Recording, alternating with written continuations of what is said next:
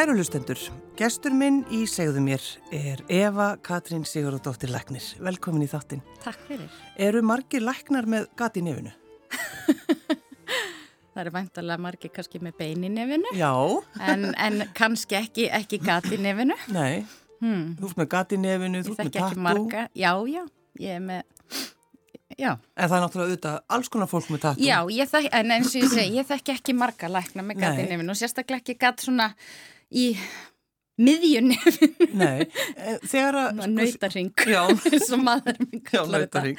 Þú sagði það. já, já. Sko, þegar að, að, uh, sjúklingar koma til þín, er þeir þá hissa á því að, að sjá gatið?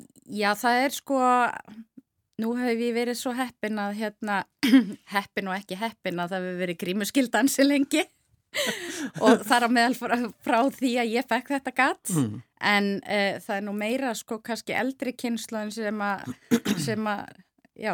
sér tattúin og þá, guð minn góður að heyri í stundum, hún er með húðflúr, Hún er húðflúr. já, Er þetta að taka mark á þessari konu? er hægt að taka mark á um, emmitt, sko, já. En er þú ert ekki bara læknir með uh, gati í nefinu, svo ertu líka læknisfrú. Ég er líka læknisfrú, ég er búin að vera læknisfrú ansi lengi, ég er búin að vera, ég og maðurinn minn erum búin að vera saman síðan 2005, þannig að 17 ár rúmlega og hérna giftum okkur 2012. Mm. Hann útskrifast hérna heima 2008 og læknis, já, og læknadelt á Háskóla Íslands, Hvað heitir það? Kristján Þór Gunnarsson. Og hann var ákveðin í að fara í læknisfræðina, en, en ekki þú, sem sagt. Nei, við rauninni kynnumst bara þegar hann er á þriðja ári læknisfræði og ég er sérst ennþá bara í mentaskóla, ég er bara að klára veslu þegar við kynnumst. Já. Ég bjóð þá einn og hann bjóð einn, hann er, hann er bóndasonur og hérna, og ég sérst fórildra mín er flutta erlendist þegar ég var 16 ára til Danmörkur, þá er ég nýkomin inn í veslu og, og bara stappa neður fætinum og neyta flytja með. Þannig að að 16 hérna- ára ertu bara einn.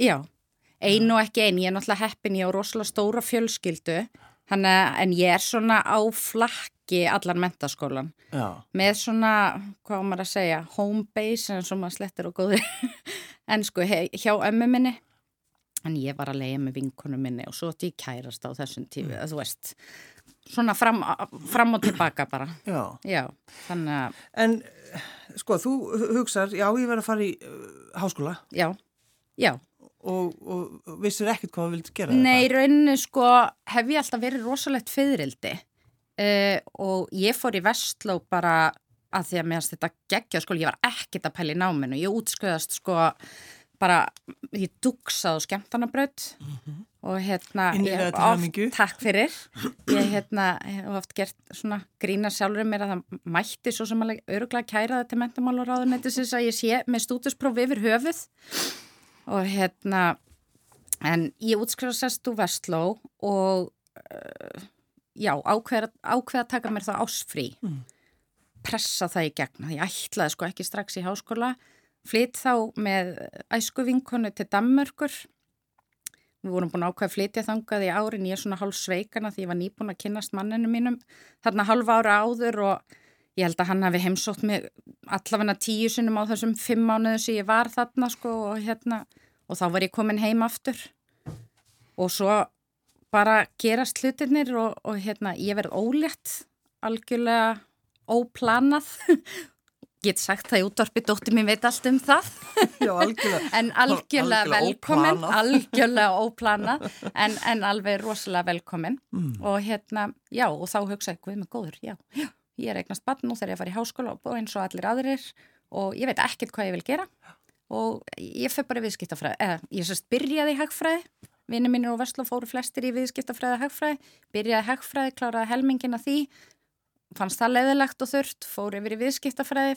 Fannst það ennþá leiðilegt og þurft en það er skemmtilegra. Uh, ég hafði alltaf svo rosalega mikinn áhuga á náttúruvísundum í rauninu sko Ari Trösti var mitt stærsta átrúna goð uh, bara í mentaskóla og frá því ég mann eftir mér. Og mér langaði alltaf að verða, þú veist, ég hef alltaf haft rosalega mikinn áhuga á jarðfræði og að ég skilir rauninni ekki af hverju mér datt það ekki í hug, sko. Uh, en bara náttúruvísind yfir höfu en svo bara einhvern veginn var ég á viðskiptabrauti Vestló og það var ekkit mikið þá, þú veist, þá var maður að taka einhverja svona grunna áfanga. Um, en svo hafði ég alltaf mjög mikið náhuga á læknusfræði og þetta vissu vist allir í minni fjölskyldu og hérna ég var svona mjög, þetta er ennþá grínsugur í fjölskyldinu sko, ég var sjúklega sjúkdóma hrætt þannig ég las mér, ég held ég hafi lesið þarna þrjú hefti að heimilisleiknunum áður en ég byrjaði veist, áður en ég kunna lesa.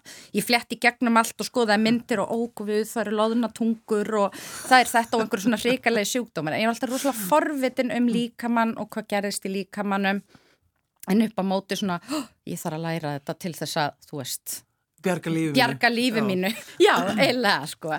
Þannig að þú ferði í læknarsvæðina eftir... Já, já. ég sess að svo, við flytjum út 2011 þá var maðurinn minna fyrir sérnám í heimilisleikningum og ég svona, ég var án svolítið þreytt líka bara og við bara á ástandinu, við komum svolítið mjög illa út úr kreppunni, mm. erum hann að ung fjölskylda nýbúna fjárfesta okkur í íbúð, leggja alla okkar peningi það sem að staðan fyrir að hendi þarna 100% lánin, þá getast þeir peningar upp og og hérna við fengum eða bara svolítið nóg og, og eða eins og þá, þá var, þá var bara eitt sérnámi bóði hér á Íslandi uh, það var endur í heimilslækningum en maðurinn minn ákveður að fara út og ég ákvað bara að kíla á það mm. þannig að uh, það bjarst sínin svona í manni alltaf. Þú veist ég hugsaði já já ég hlýta að komast inn. Þú veist maður hugsa alltaf það er erfitt að komast inn hérna á Íslandi. Með þetta ekkit í huga það væri 1500-2000 umsækjendur um 56 pláss úti sko. Mm.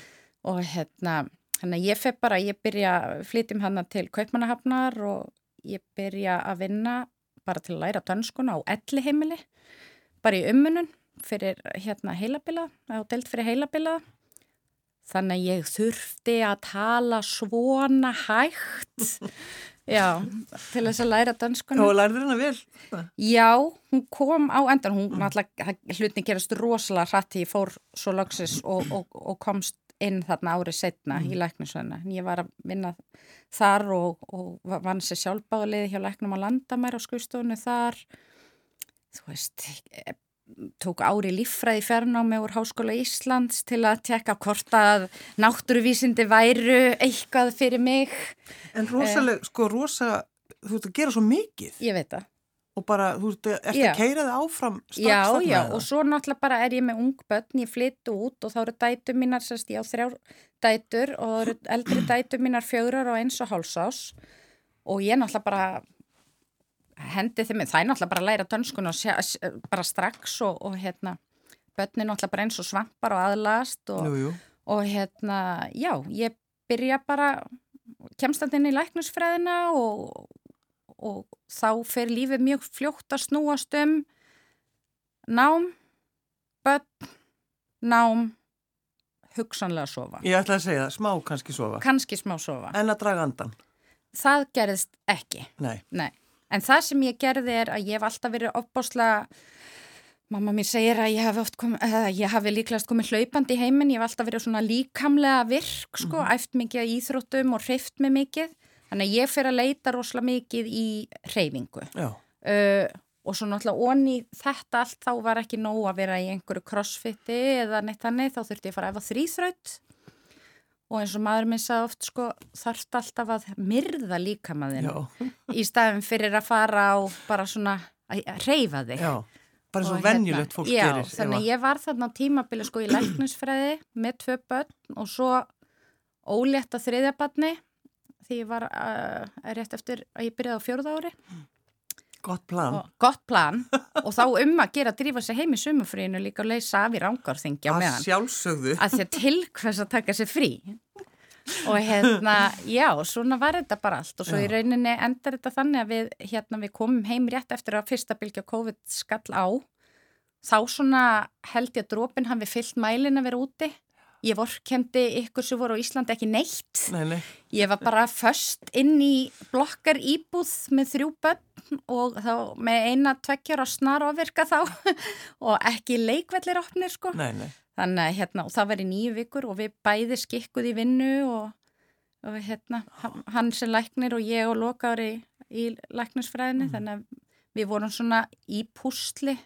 Það er svona aðalega kannski elstu dóttur okkur að þakka að, að hérna við lifðum þetta af Já. sko En þið, þið flytið heim, Já, sko, frá Danmörku já, búm, til Selfoss. já, Þurftur ef að hugsa þig eitthvað um? heldur betur. Já. Já.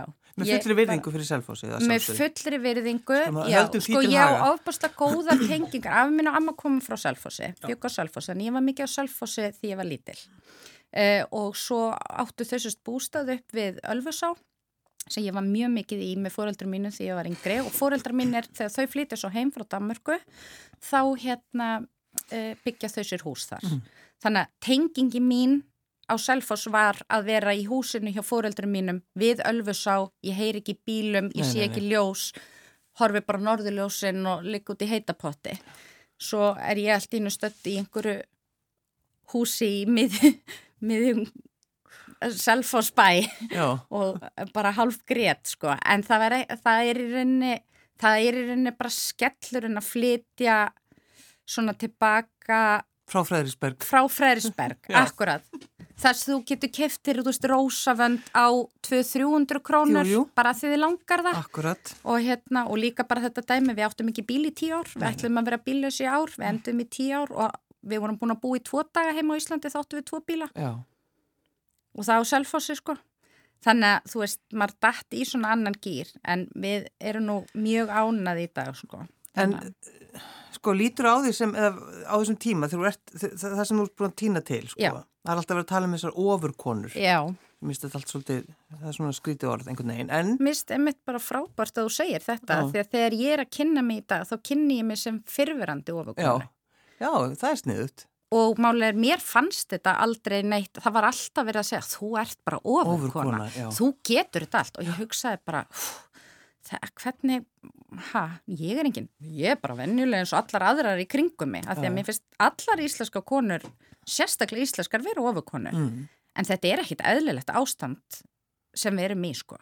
Og það er eins og nú ég margar danskar vinkonur og þær eru líka ofurkonur en þær kunna að endurhlaða sig. Já, já.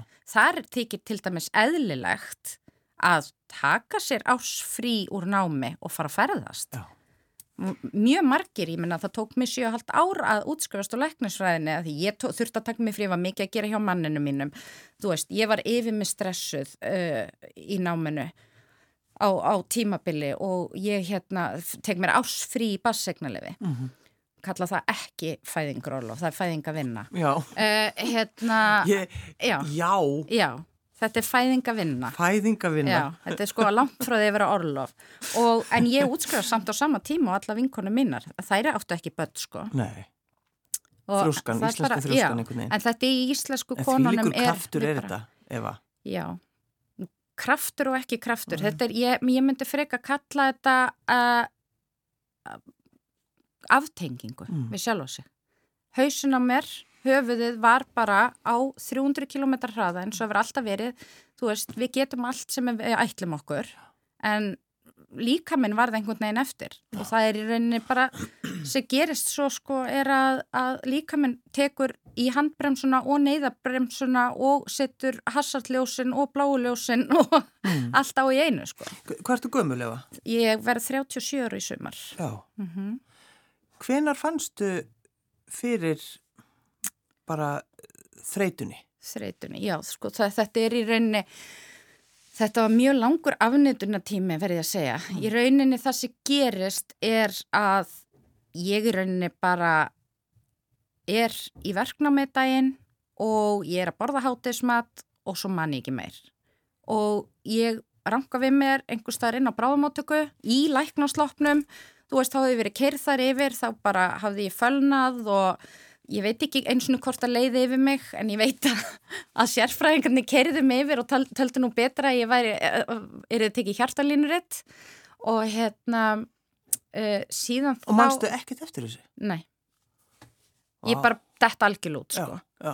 Ég man í aðdraðanda að þessu, þá var ég komið rosalega mikið svona taugaenginni, farið að gruna ansi sterklega að ég væri komið með einhver taugasjúkdóm, vonaði þá í besta falla að það veri MS eða Parkinson sko. Mm. þá var, uh, tilfinningi var þannig að það var eins og ég væri að labba og, og fæturnar voru svona eins og 70 til 80 kíló. Ég átti erfitt með að lifta þeim, ég var með vöðv og taugakippi, ég var með hjarsláttartröflanir, uh, meldingarvesen, ég misti sjónun á hægra auga af og til, uh, hít og kuldatilfinningu nálót og út um allt. Þetta var það sem kom svona kannski mjög sterklega fram svona tveimur, þreimur mánum áður, en Já. þetta náttúrulega bara hugsaði ég, þetta er bara eitthvað líkalegt, ég fer til læknis einhvern tíma. Þú bara hristir þetta af þér eins og maður bara já, fólk gerir. Já, uh, en því ég lítið tilbaka þá var þetta mörg ár að gerast. Ég, ég eins og ég segi, bara tók ekki eftir viðvörunabjöllunum eða ákvaða bara einhvern veginn hunsaðir sko. En er, er þetta metnaðurinn? Ertu með, ertu mjög metnað? Já, ég hef, held ég hafi alltaf verið rosalega metnagjöld. Ég, ég veit nú ekki hvort að samt fólk er í sammála. Ég, fólki kringum mig sem þekki mig veit það. En Mhm. þú veist, ég var manneskja í tíundabökk og, og námsrákjafinn stóð yfir mér og sagði þú ferð aldrei í mentaskóla. Ég var mjög mikill uppreisnaseggur og stóð upp í hárinu og fólki, ég, ég er ekki mikið að fara eftir reglum. Já, já, já. Þú Og fer ekki í hérna- mentaskóla. Nei, og hún sagði mér það þú getur ekki farið í mentaskóla Já. og ég horfði bara á hana Frábær og kona. bara, já, akkurat, mamma mín segir einmitt alltaf, Guð, hvað með langar að ringi sko.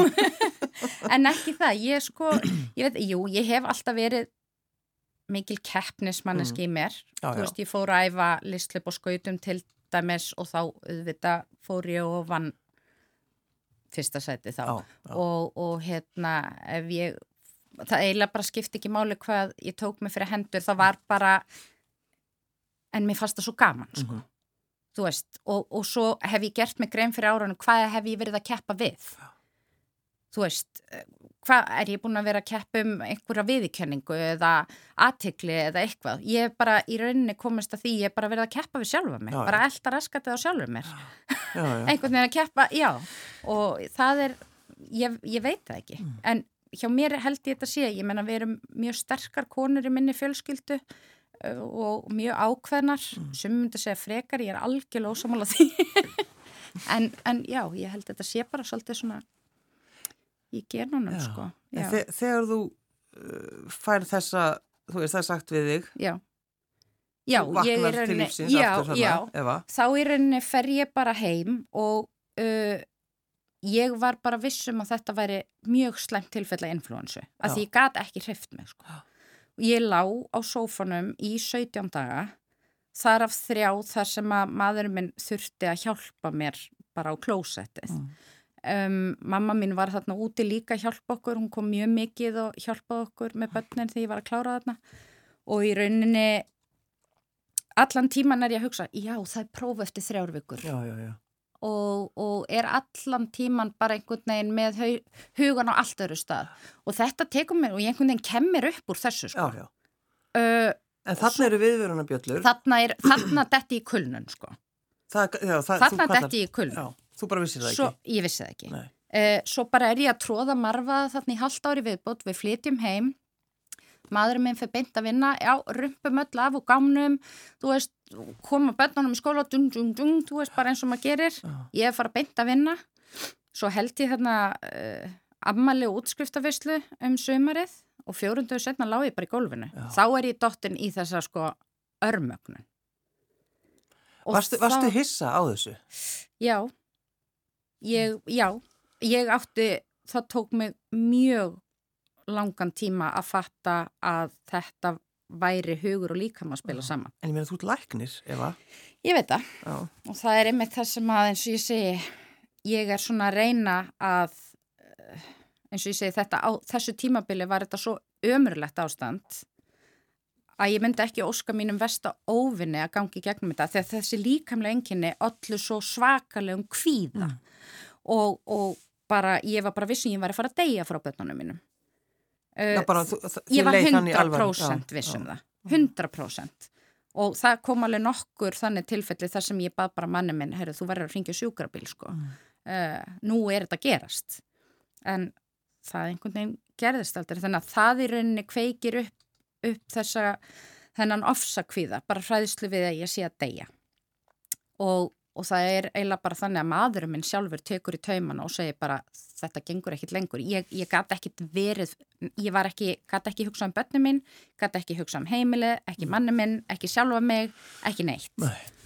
Og svo hef ég alltaf verið rosalega mikið svona sett þarfir kannski annara í forgang, eða alltaf, alltaf verið svona, mér eru alltaf þótt slemt eða öðru líður ítla. Þannig ég á það svona til að hoppa inn í aðstæður og og svona reyna að leysa hnúta og reyfrildi og, og þannig. Nú kem ég og bjargessu. Nú kem ég og bjargessu og sama er mitt með læknusana, með langa að hjálpa fólki. Já, já. En þannig eins og ég hugsaði þetta sko, þetta var opbóslega neikvæð lífsreynsla og ég er ennþá ná mér upp úr henni sko.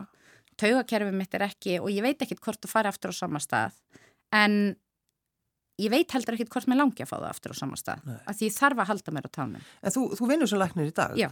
Já, ég vinn í halvustarfi á heilsugjastlunni á Salfossu núna uh, og svo er ég, að, sem sagt, er ég orðin það sem heitir viðkendur Wim Hof method uh, þjálfari. Mm. Það er í rauninni það sem að ég í mínu bataferli fer ég gegnum margt. Uh, það er náttúrulega sem fólk, það fer að leita. Já, algjörlega og eins og ég segi, ég var svo skeftisk áður fyrr og það var margi sem að ráka upp stóru auðu sko þegar ég allt ínum var farin til miðils og spákonu. Já, já, já. Ég var komið það langt að ég hugsaði bara eitthvað til að bjarga mér.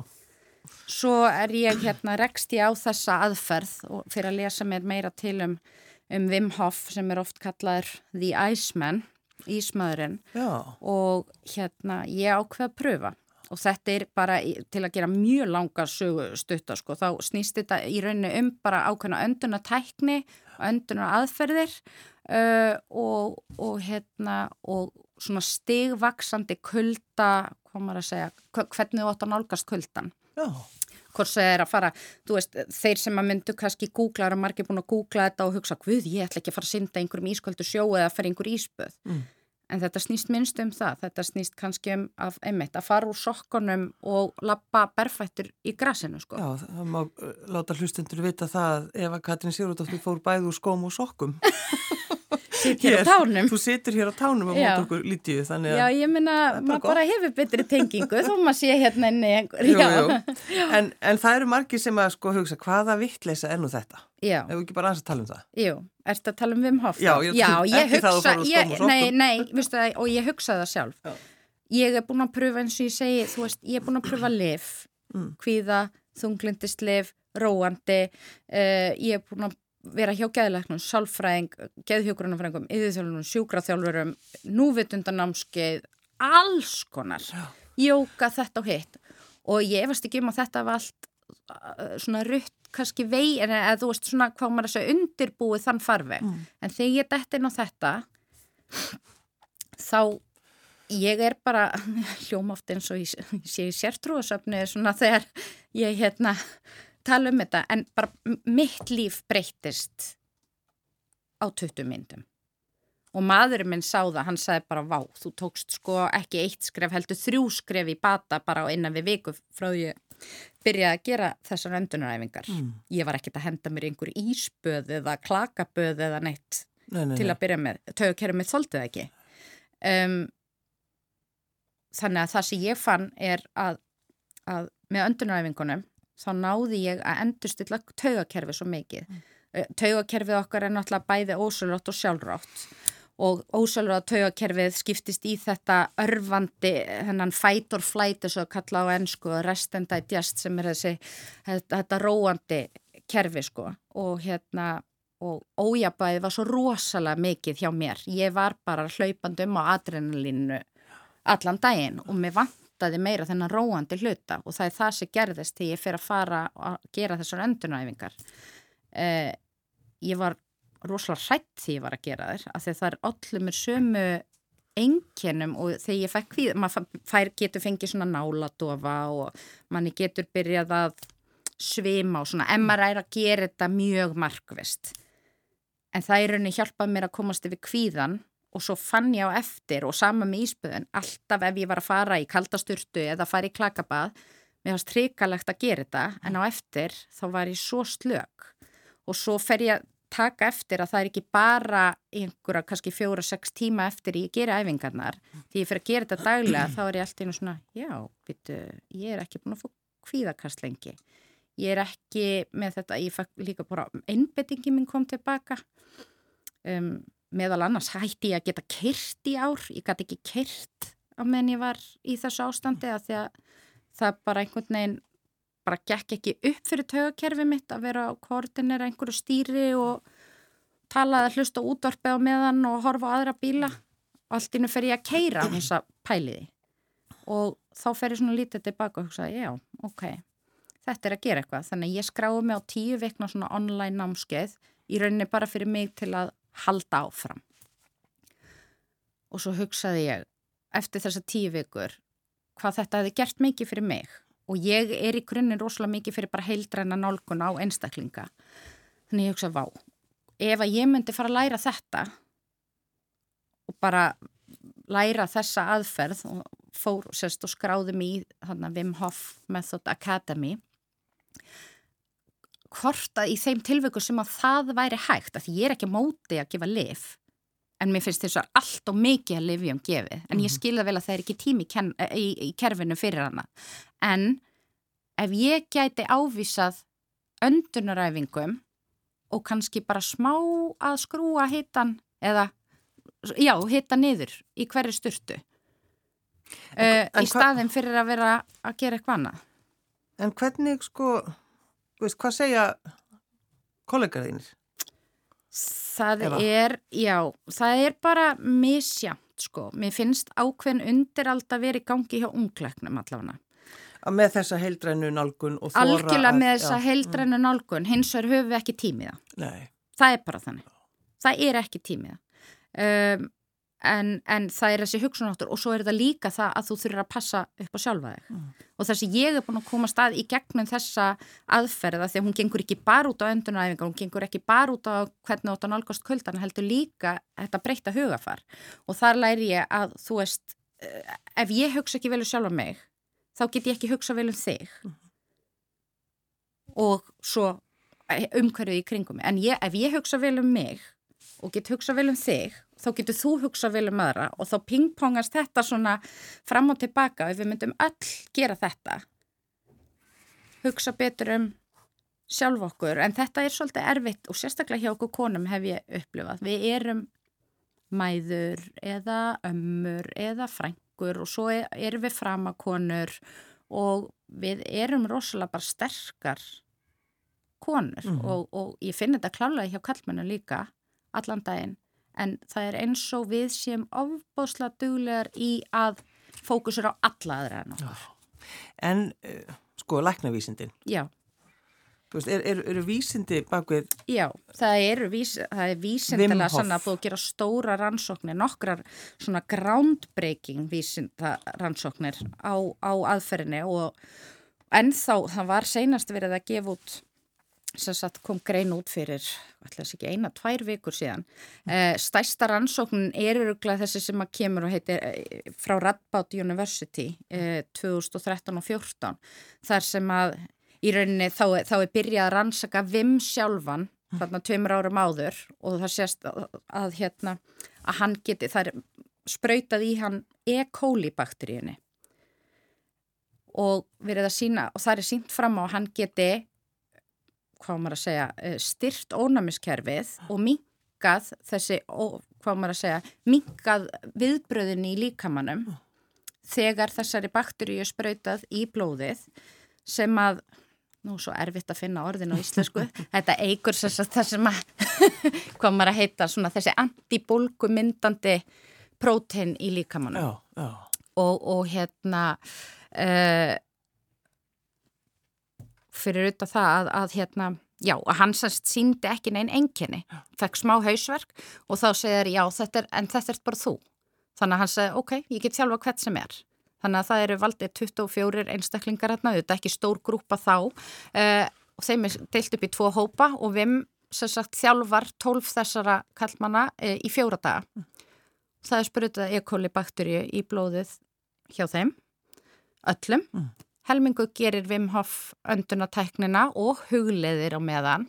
þetta er miklu meira þarna baku, þetta er mikil hugleisla líka um, og enginn síndi enginni, hvorki var veikur og það eru tekna blóðpröfur sem er kannski erfitt að útskýra bara svona í útvarpi fyrir almenning en allavega að það, það sást bæði klínist að, að hérna að mm. þetta hafði mikil áhrif Hann og í rauninni gengur þessi aðferð bara í stuttumálu sagt þú eigur streytuþól og, og, og, seglu. Þannig að þú ert sko búin að vera að stúdera þetta Eva, já, og já. ert að nota þetta í Já, ég er svona laumast til þess. Má, má, það?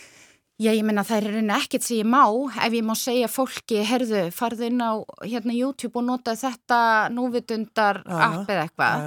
En það tekur tíma, þannig að þegar ég finn að sjúklinga þurfa því að halda vera opnum fyrir því. Ég, ég er ekkit að pressa fólki í þann. Ef þau hafa áhuga á því, þá kannski bóka ég því annan tíma og segja ég ætla að kenna þér öndurna mm. í næsta tíma, förum í gegnum þá, svo kannski sendi ég þau heim með smá upplýsingar um aðferðina. En er þetta kannski bara komið til að vera að læknar í dag eru opnir fyrir Já, algjörlega, auðvitað mæti maður alls konar bæði, eh, kannski ekki fordómum, en svona hindrunum á þetta er nú ekki þú veist, þetta Já. er enn enn vittlisann Þú ert nú bara í rugglinu Þú ert nú bara í rugglinu, ég menna alveg eins og þegar lágkólvetnafæði kom fram hérna fyrir mörgum árum, maðurinn minn er búin að vinna rosalega mikið með það til dæmis. Mm -hmm. og hann var bara tala um hérna vittlisingur sko en, en það er þú getur lækna ansimast með því líka jú, jú. sko. En að því þú talar um sko, einmitt með þessu það er þetta sko breyting á hugafari Já Það er svo mikilvægt að geta komist Það er bara það þar. og það er því miður þannig finnst mér hjá mörgum að þú þarft einhvern veginn að komast á botnin til að breyta hugafæri Já. og það var þannig hjá mér allavega hef ég ekki komist lengra niður á botn heldur þá en þá samt tók var það erfitt fyrir maður að mm. breyta hugafæri og ég er ennþá að reyna að breyta Já. og ég þarf ennþá að heyra það að ég sé kannski ekki egoist en ég sé að hugsa svolítið mikið um sjálfa mig uh, og, og, og það var búið að vara mig við þessu. Þannig að ég reyna að taka þessu sem jákvæðum hluta þegar sagt þú ert, þú veist, allt og mikið þú ert uh, egoist eða já, narsist eða þetta Þú ert að hugsa rosalega mikið um sjálfa þig Þú ert að hugsa rosalega mikið um sjálfa þig. Já, uh, já það þykir þannig, náttúrulega ekki já, gott. Nei, auðvitað finnst mér það ekki gott en ég virkilega reyni að taka þessi jákvæð og snúa því við bara 180 gráður Vá, gott hjá mér, af því ef ég gerir það þá ég, hugsa ég betur um börnum mín mm. og, og, og fjölskyldunum mína og aðra og ég get verið betur til staðar fyrir fólki í kringum og mm. mína sjúklinga og vini og já mm.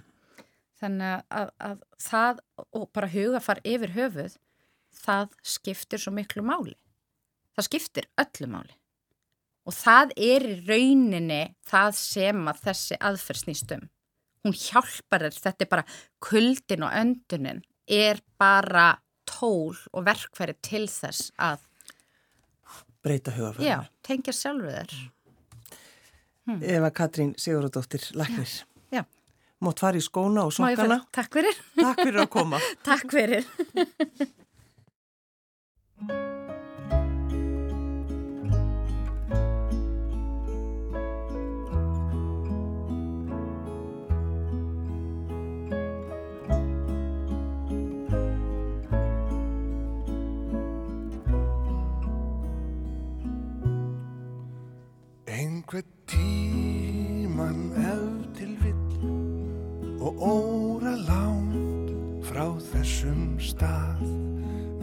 ástinn hörfa heim til því og hjartan styrum knýja að og innmitt þá og innmitt þar mun ástinn krefja þig um svar.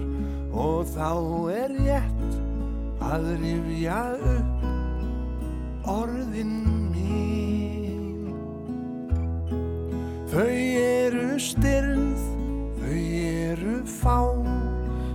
sjálfsagt aldrei flögin á. Þau munu engað síður alltaf býða því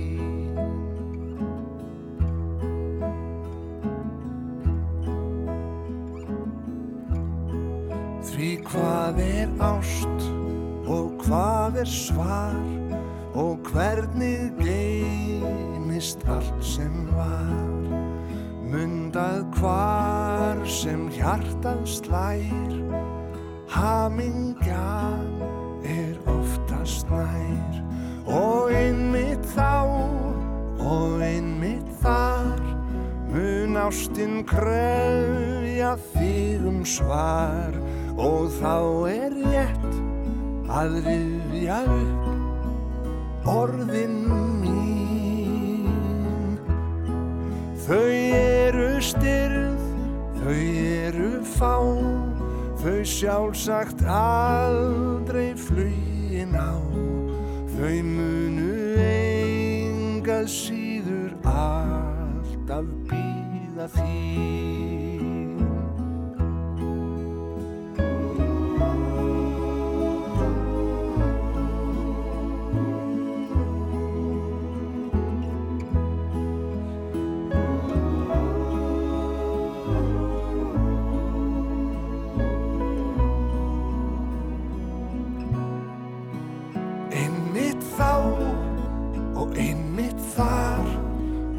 ástinn krefja þig um svar. Og þá er rétt að rifja upp orðin mín. Þau eru styrð þau eru fá þau sjálfsagt aldrei